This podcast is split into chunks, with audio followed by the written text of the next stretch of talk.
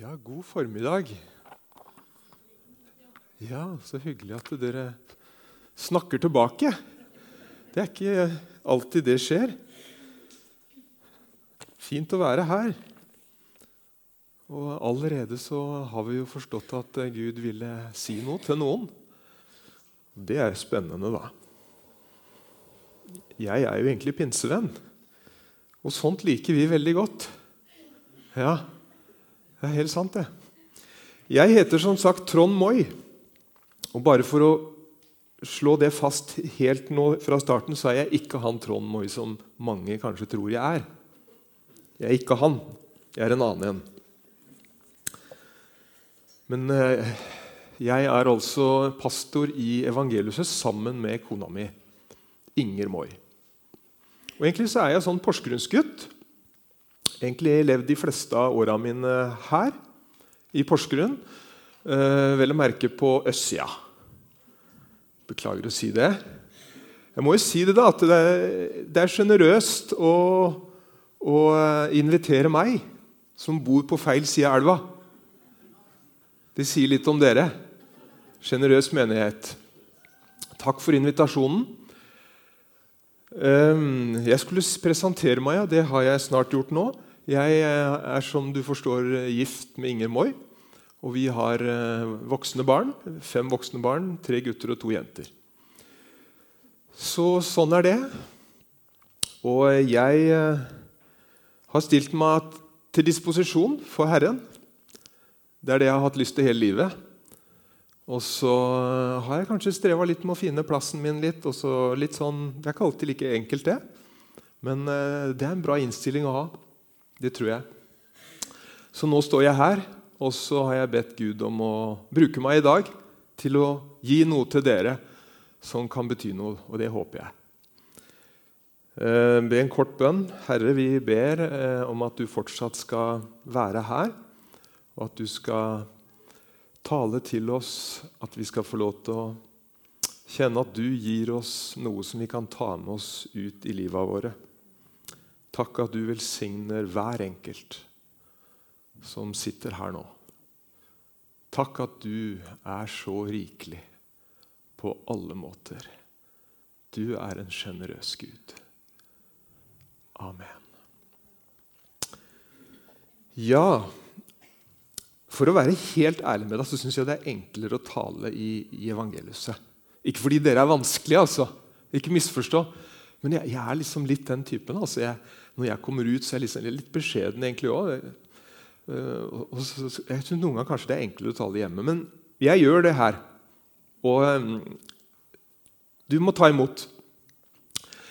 Um, jeg har liksom landa på at jeg skulle lese den historien om denne kvinna som kommer til denne brønnen midt på dagen for å hente vann. Hun streva litt med livet sitt, for å si det sånn. Derfor så kom hun på det tidspunktet, og så, og så møter hun Jesus der. Så uh, Mange av dere har hørt den historien før, men uh, vi leser den sammen. Det er fra Johannes 4. Da leser jeg fra vers 3. Da forlot han Judea og dro igjen til Galilea. Han måtte reise gjennom Samaria, og der kom han til en by som het Sykar like ved det jordstykket Jakob ga sin sønn Josef. Der var Jakobskilden. Jesus var sliten etter vandringen, og han satte seg ned ved kilden. Det var, en, det var omkring den sjette time. Da kommer en samaritansk kvinne for å hente vann. Jesus sier til henne, 'La meg få drikke.' Disiplene hans var nå gått inn i byen for å kjøpe mat. Hun sier, 'Hvordan kan du som er jøde, be meg, en samaritansk kvinne, om å drikke?' For jødene omgås ikke samaritanerne. Jesus svarte, 'Om du hadde kjent Guds gave' og visst hvem det er som ber deg om drikke, da hadde du bedt ham, og han hadde gitt deg levende vann. Herre, sa kvinnen, du har ikke noe å dra opp vann med, og brønnen er dyp. Hvor får du da det levende vannet fra? Du er vel ikke større enn vår stamfar Jakob. Han ga oss brønnen, og både han selv og sønnene hans og buskapen drakk av den. Jesus svarte, den som drikker av dette vannet, blir tørst igjen. Men den som drikker av det vannet jeg vil gi, skal aldri mer tørste. For det vannet jeg vil gi ham, blir i ham en kilde med vann som veller fram og gir evig liv. Kvinnen sier til ham, 'Herre, gi meg dette vannet, så jeg ikke blir tørst igjen og slipper å gå hit og hente opp vann.' Da sa Jesus til henne, 'Gå og hent mannen din. Kom så hit.' 'Jeg har ingen mann', sier kvinnen. 'Du har rett når du sier at du ikke har noen mann', sa Jesus, 'for du har hatt fem menn.' 'Og han du nå har, er ikke din.' Det er sant, det du sier. 'Herre, jeg ser at du er en profet', sa kvinnen. Våre fedre tilba Gud på dette fjellet, men dere sier at Jerusalem er stedet der en skal tilbe. Jesus sier til henne, 'Tro meg, kvinne, den time kommer' da det verken er på dette fjellet eller i Jerusalem dere skal tilbe Far. Dere tilber det dere ikke kjenner. Vi tilber det vi kjenner. For frelsen kommer fra jødene. Men en time er kommet, ja, den er nå, da de sanne tilbedere skal tilbe Far i ånd og sannhet. For slike tilbedere skal Far ha. Gud er ånd, og den som tilber ham, må tilbe i ånd og sannhet. Jeg vet at Messias kommer, sier kvinnen. Messias er det samme som Kristus. Og når han kommer, skal han fortelle oss alt. Jesus sier til henne, 'Det er jeg, jeg som snakker med deg.' Og Så hopper jeg ned til vers 28. Kvinnen lot nå vannkrukken sin stå og gikk inn i byen og sa til folk.: Kom og se, en mann som har fortalt meg alt det jeg har gjort. Han skulle vel ikke være Messias? Ja.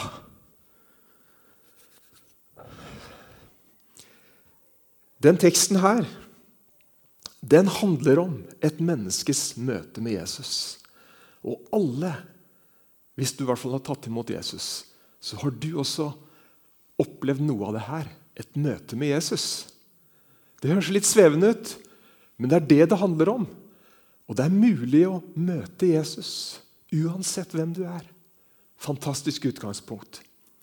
Det er tre store begivenheter i den teksten. Nå har jeg ikke sånn powerpoint. Jeg skjønte at dere er ganske moderne her, og det er egentlig vi også. Men uh, det skjedde noe med mitt utstyr, så jeg fikk det ikke til i dag. Så dere må, dere må bare høre på meg. Jeg er klar over det er litt kjedelig. Jeg er, ikke noe, noe klovn heller, så jeg klarer liksom ikke å, skape alle disse effektene. Men du må høre på meg. Er det greit? Ja. Det er tre store begivenheter i den teksten her. Og det første det er For å si det sånn, alle tre begynner på F. Og Det er veldig pedagogisk av meg å si det, for da har du sjanse for å huske det. Det første det er funnet. Det andre det er frigjort. Og det siste er fylt. Ok? Funnet av ham. Frigjort av ham. Og Ja, du må følge med. Fylt av ham. Ja, det er de tre punktene jeg skal prøve å si noe om. Funnet av ham, frigjort av ham og fylt av ham. For det første funnet av ham. Jeg vet ikke om du har gått abort bort noen gang. Men hvis du har gjort det, så er det fantastisk. Hvis du blir funnet. Heldigvis så har ikke jeg gått meg sånn skikkelig bort. Men jeg hender jeg leser eller jeg hører historier fra mennesker som virkelig har opplevd dette på kroppen. Jeg husker kanskje spesielt en historie. Det var en en skiglad jente som hadde vært på skiferie i Canada. Og så hadde hun eh, kjørt seg bort da, eh, inn i villmarken, for å si det sånn. Hun hadde leita etter veien tilbake i tre døgn. I Canada! Det er ikke å spøke med, altså. Og så forteller hun den tredje dagen så ser hun redningshelikopteret komme. Og vet du hva hun sier? Det jeg så, dette var det største øyeblikket i mitt liv. Jeg ble funnet. Og Det kan vi skjønne. Det var stort. Og så er det et spørsmål, da, når vi ser på teksten her. Er det vi som finner Gud, eller er det Gud som finner oss?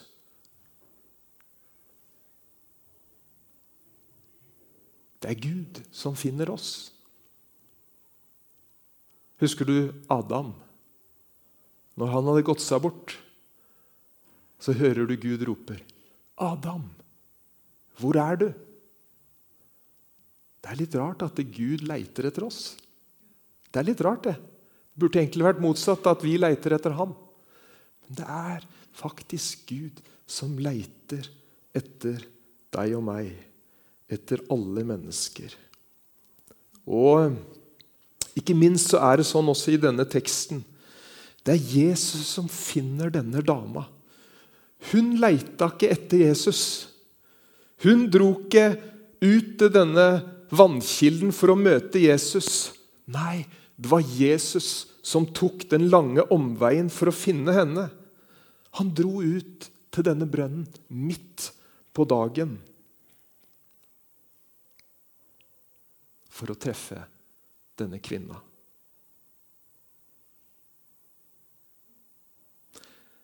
Det står i vers 4, som vi leste, at eh, han måtte reise gjennom Samaria for å komme til Galilea.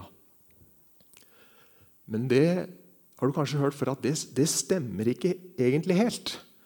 Fordi at det, fantes enklere og raskere veier for å komme fra Judea til Galilea. Det har jeg lest meg opp til.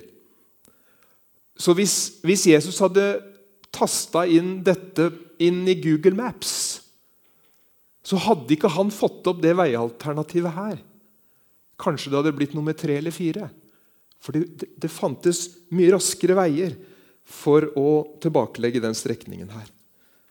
Så, men det som var, det var at Jesus han leita etter denne dama. Og Derfor så måtte han ta denne veien. Det var Jesus som søkte, og det var Jesus som fant. I vers 6 så leste vi at han var sliten etter den veien han hadde gått. Jeg synes det er, Når jeg liksom leser den teksten, så ser jeg hvor utrolig glad Gud er i mennesker. Han er så glad i alle mennesker, også de som ikke vi kanskje tenker at han er glad i. Og Jeg ser hvordan han var villig til å gå denne omveien for å finne denne kvinna. Og du kan si at Jesus han har gått en lang omvei. Han forlot himmelen. Han ble født inn i denne verden som et menneske. Han gikk under menneskelig kår. Han ble sliten. Jeg tror det er utrolig flott å minne seg sjøl på at han har gått en enormt lang omvei for å finne deg og for å finne meg. Det står at Jesus han var tørst. Jesus sier til henne, 'La meg få drikke'. Og det er klart, det vi skjønner at Jesus han var tørst. Han hadde gått langt. Det var varmt.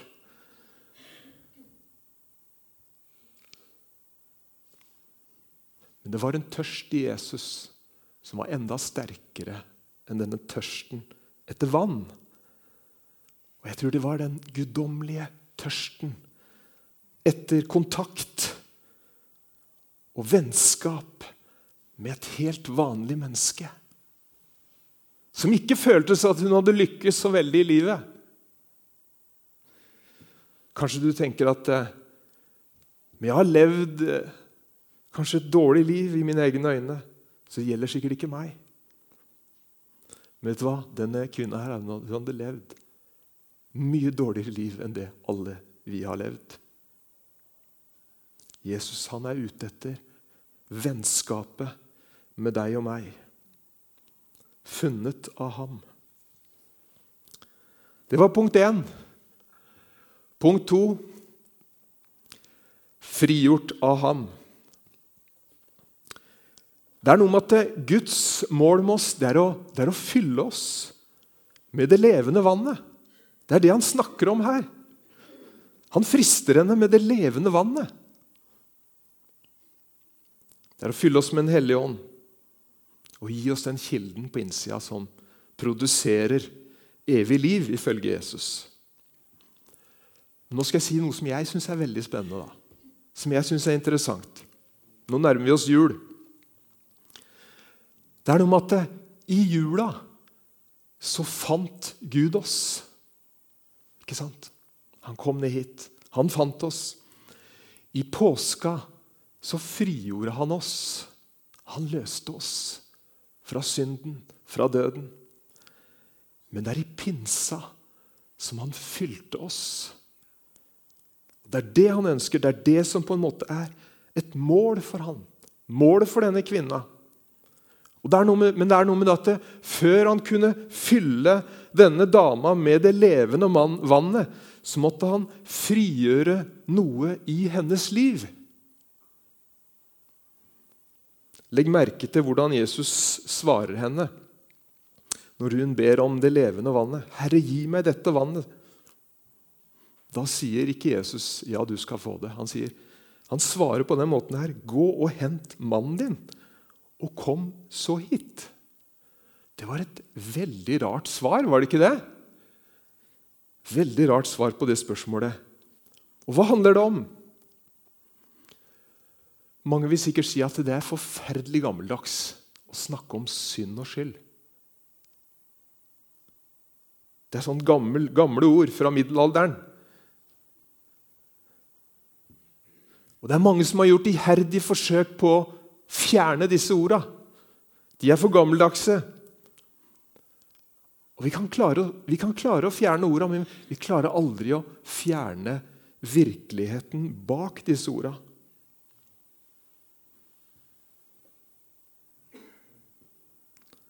Denne dama her, hun hadde ting i livet sitt som Jesus trengte å frigjøre henne fra. Og det er sånn som Noen ganger kanskje du òg gjør det, noen ganger så, så, tar jeg med bilen og så tar jeg med et lass bak på den, og så kjører jeg ut til Pasa. Ikke sant? Søppelfyllinga på Eidanger. Dere kjenner til den? Dere har ikke egen søppelfylling på østsida? Nei. Dere må på østsida, ja. Mm.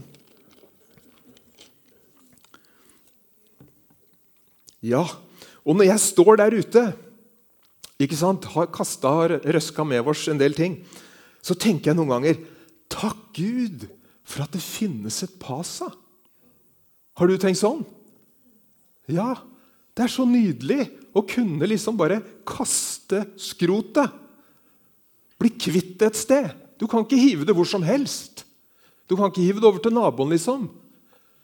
Men at du kan reise til Pasa, og så kan du legge det der. Og det er så deilig. Og Sånn er det i livet også.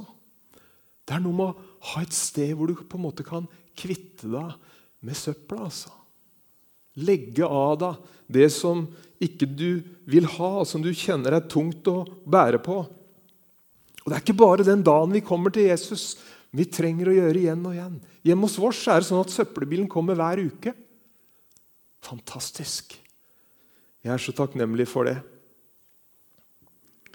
Og det er noe med det at eh, hjemme hos oss og i evangeliet så feirer vi nattverd annenhver søndag.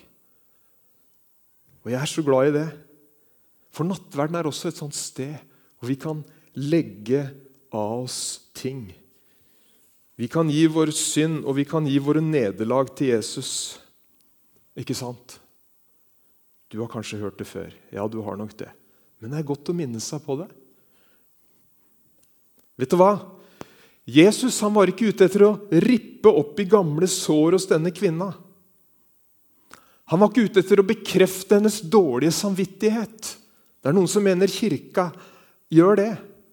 Vet du hva? Han ønsket å fri henne fra det som tynga henne.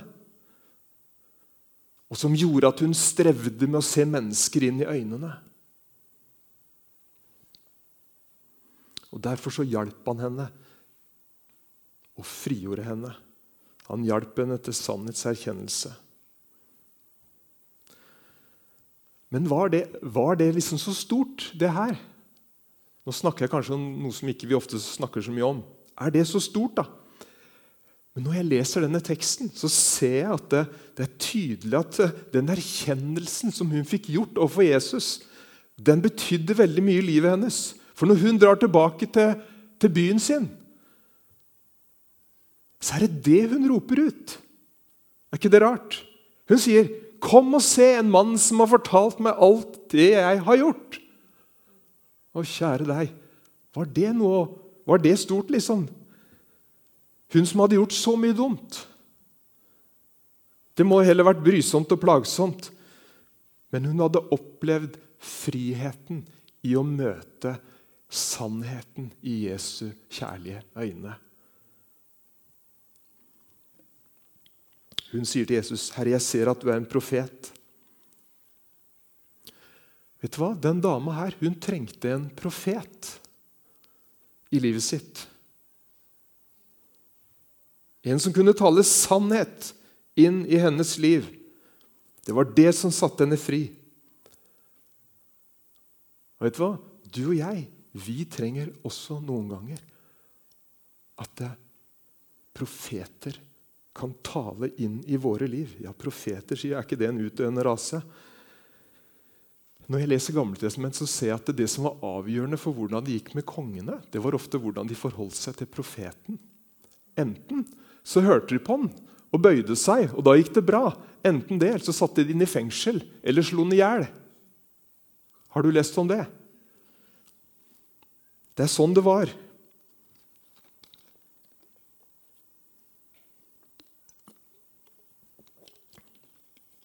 For at denne kvinna skulle få oppleve Jesus som Messias, som den salvede, som kongen i livet sitt, så måtte hun først ta imot Jesus som profeten, han som talte sannhet inn i livet hennes. Nå skal jeg fortelle deg en kort episode. Eh, du vet at eh, Noen tror at pastorer er så perfekte. De er ikke det. skjønner du. Og eh, De strever noen ganger litt i ekteskapet, de òg. Du trodde ikke det? De gjør det, skjønner du. Og du skjønner det at eh, Jeg husker at eh, jeg var på ferie. Og da får man jo god tid. Og så husker jeg at vi var sammen med noen venner, og så, og så, ja, så gikk kvelden. da, så, så husker jeg, når vi, eh, Dagen etterpå så sier kona mi til meg hvorfor, hvorfor sa du det? Hvorfor gjorde du det? Hvordan, hvorfor gjorde du det du gjorde? Hvorfor sa du det du sa? Og Så kjente jeg liksom at æsj, hvorfor skal vi ta opp det nå? liksom? Hvorfor sier du det til meg? Og så, og så begynte jeg liksom å forsvare meg. Ja. Og så stoppa det litt der. Og så var det jeg tror det var dagen etterpå så, og så hadde jeg en sånn liten andagsstund eh, oppe på, på rommet der. Og så eh, og så leste jeg nettopp om en av profetene i Gamle Testamentet, profeten Asa. Så ser jeg hvordan profeten, nei, kong, kong Asa, så så jeg hvordan profeten kom til han. Og Så ble han sinna på profeten, og så satte han i fengsel. Og når jeg satt der, så, så opplever jeg at, at Gud sier noe til meg. Han, han snakka ikke sånn at jeg hørte det med ørene mine, men jeg fikk sånn sterke inntrykk, sånn som vi ofte sier at da taler Gud til oss. Og det tror jeg Gud gjør. Jeg opplevde at han gjorde det. Og så, og så stiller han meg to spørsmål. Først så sier han at du, Trond, du trenger en profet i livet ditt. Og Så stiller han meg to spørsmål. Så sier han, 'Hvem er profeten i livet ditt, Trond?' Og Så sier han en ting til. Hva gjør du med profeten i ditt liv? Og Da skjønte jeg at eh, det han egentlig sa, det er at eh, jeg har gitt deg en profet inn i ditt liv, og det er kona di. Som kanskje mer enn noen andre er i stand til å tale sannhet inn i ditt liv. Nå er det stort ansvar å være profet. Altså. Nå skal ikke du bruke det mot mannen eller kona di altså. og så referere til meg. Du må ikke gjøre det. Men, men, du skjønner at jeg trengte å gå en runde med meg sjøl og se at takk Gud for at jeg har ei kone som våger å tale sannhet inn i mitt liv. Fordi det, det, er noe av det som handler om å komme til Jesus og ta imot ham. Det er å bøye sine knær og komme til sannhetserkjennelse. Og Det handler ikke bare om å forsvare seg hele tida. Det er så lett å gjøre det. Men akkurat som denne kvinna som ble funnet av ham, men hun ble også frigjort av ham. Og jeg tror at det, Noe av det tok jeg med meg fra denne dagen der oppe. At jeg trenger å ta imot sannhet fra et menneske som jeg vet elsker meg. Og det gjør at vi kan ta det siste punktet fylt av ham. Det er en som har sagt det sånn at din personlige pinse vil aldri bli større enn din personlige påske. Det er noe med at Noen ganger så må han tømme oss før han kan fylle oss. Noen ganger så må han kle av oss før han kan kle på oss igjen. Det er ubehagelig. Og Det er noe med at målet med jul og målet med påske, det er egentlig pinse. at han får fylle oss med sin Hellige Ånd og med sitt liv. Sette inn kilden i oss. Og Det var også målet med den samaritanske kvinnen. Målet til Jesus var ikke å avsløre henne eller blottlegge henne. Nei, det var for å fylle henne.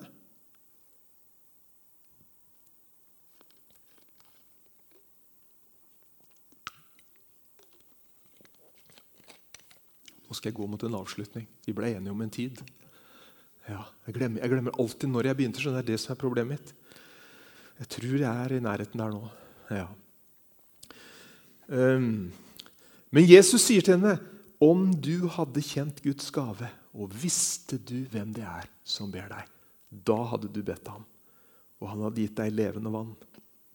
Jeg har bare lyst til å minne om det at Jesus han ønsker så inderlig å fylle oss med Den hellige ånd. Det er det som gjør hele forskjellen. Det er bare Den hellige ånd som kan føre oss inn i virkeligheten av den kristne tro. Uten Den hellige ånd så blir denne boka her den blir død, og den blir kjedelig, og den blir selvmotsigende. Men med Jesus så blir det levende, det blir personlig og det blir nært. Og det var det som denne kvinna opplevde. Og Nå opplever ikke jeg hver dag at denne boka liksom bong, liksom, Wow! Jeg har tørre dager med Bibelen. Å ja, skal jeg love deg. Men det er noe med at det, det ligger noe der som jeg begynner å berøre. Så begynner det å berøre meg. Den hellige ånd har jeg fått og når jeg begynner å bruke det, når jeg tar tak i bønnen, når jeg tar tak i ordet, så begynner Den hellige ånd å virke også i ditt og mitt liv. Og så er det noe som heter 'en gang fylt, alltid fylt'. Jeg vet ikke om det, om det er sånn dere tenker.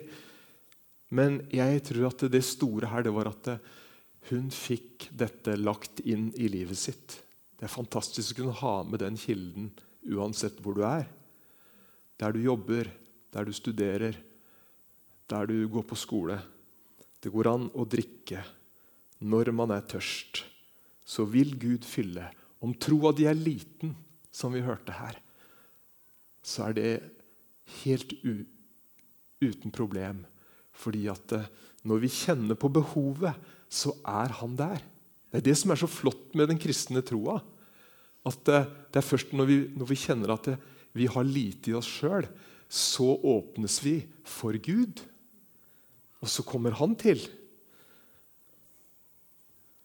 Og så til slutt Når Jesus får fylle livet hennes, så endres livet hennes. Og Det er så utrolig flott å møte mennesker som opplever at livet endres i møte med Jesus. For noen så går det veldig fort, for andre så går det over tid. Men det er så nydelig å høre, høre deg vitne også om foreldrene dine som tok deg med. Vet du hva? Veldig mange av oss har ikke denne radikale forandringen. Men det skjer endring fordi du over tid får lære Jesus å kjenne. Og så skapes det noe i oss. Og bare for å avslutte med det Når Jesus får fylle denne dama, så endres livet hennes og det siste verset, vers 28. Denne kvinna som nettopp hadde kommet for å hente vann Det var hele hennes prosjekt den dagen. Og som dro opp til brønnen midt på dagen for å slippe å møte folk. Nå lar hun vannkrukka stå, og så reiser hun tilbake til byen uten vannkrukke for å fortelle hele byen om Jesus. Vet du hva? Det er ekstrem forvandling. Ikke sant? Det har så stor påvirkningskraft på våre liv når vi lar oss finne av ham. Lar oss frigjøre ham. Og når vi sier 'Jesus, fyll livet mitt', når vi kan bli fylt av ham, vet du hva? da tror jeg vi har muligheter. altså. Om ikke ting skjer sånn pang, så skjer det ting over tid i våre liv. Og jeg hører så mye bra om kirka her. Og vet du hva? Jeg har bare lyst til å si spesielt til dere som har stått i dette i mange år. Gud velsigne dere for den trofastheten dere har vist. Og jeg er helt overbevist om at Gud vil fortsette. For det står noe om at han som har begynt, han skal fullføre. Fordi han har ressursene til å fullføre. Han vil la sin Hellige Ånd få lov til å endre ting både i oss og rundt oss. Ja, Herre Jesus, takk for ordet ditt i dag til hver enkelt av oss. Takk fordi at uh, du ser oss med helt andre øyne enn det vi ofte ser på oss sjøl. Takk for at du, du elsker bare hver enkelt så utrolig høyt at du var villig til å gå denne lange omveien for å møte oss. Herre, jeg priser deg. Og så skal du bare hjelpe oss, Herre, til å bøye oss for deg og for dine sannheter i dag. Herre, selv om ikke det alltid er så lett, selv om ikke alltid det er så behagelig, så ber vi om ydmykhet. I møte med ditt ord, Herre. I møte med hverandre. Herre, takk for at den ydmyke gir du nåde. Takk for at du skal bare gi nåde til hver enkelt som er her. At vi skal få lov til å åpne oss for deg og kjenne det at eh, du forløser dine kilder i våre liv. Akkurat som denne kvinna. Takk for at det, du vil ta bort denne tankegangen av, av hele tida grenser og begrensning. Takk for at du ønsker å bryte dette, Herre. Og du kan forvandle ting i våre liv. Du kan forvandle ting, Herre. Og du kan gjøre noe med alle disse fjella som kanskje reiser seg foran oss, og som vil rope til oss at det er umulig. Herre, takk for at eh, du skal bare forløse enda mer av disse evige kildene i oss. Så vi kan se disse tinga i øynene og tale til dem. At de skal løfte seg og kaste seg i havet. Herre, vi priser deg for din nåde. Den er rik nok for hver enkelt. I Jesu navn.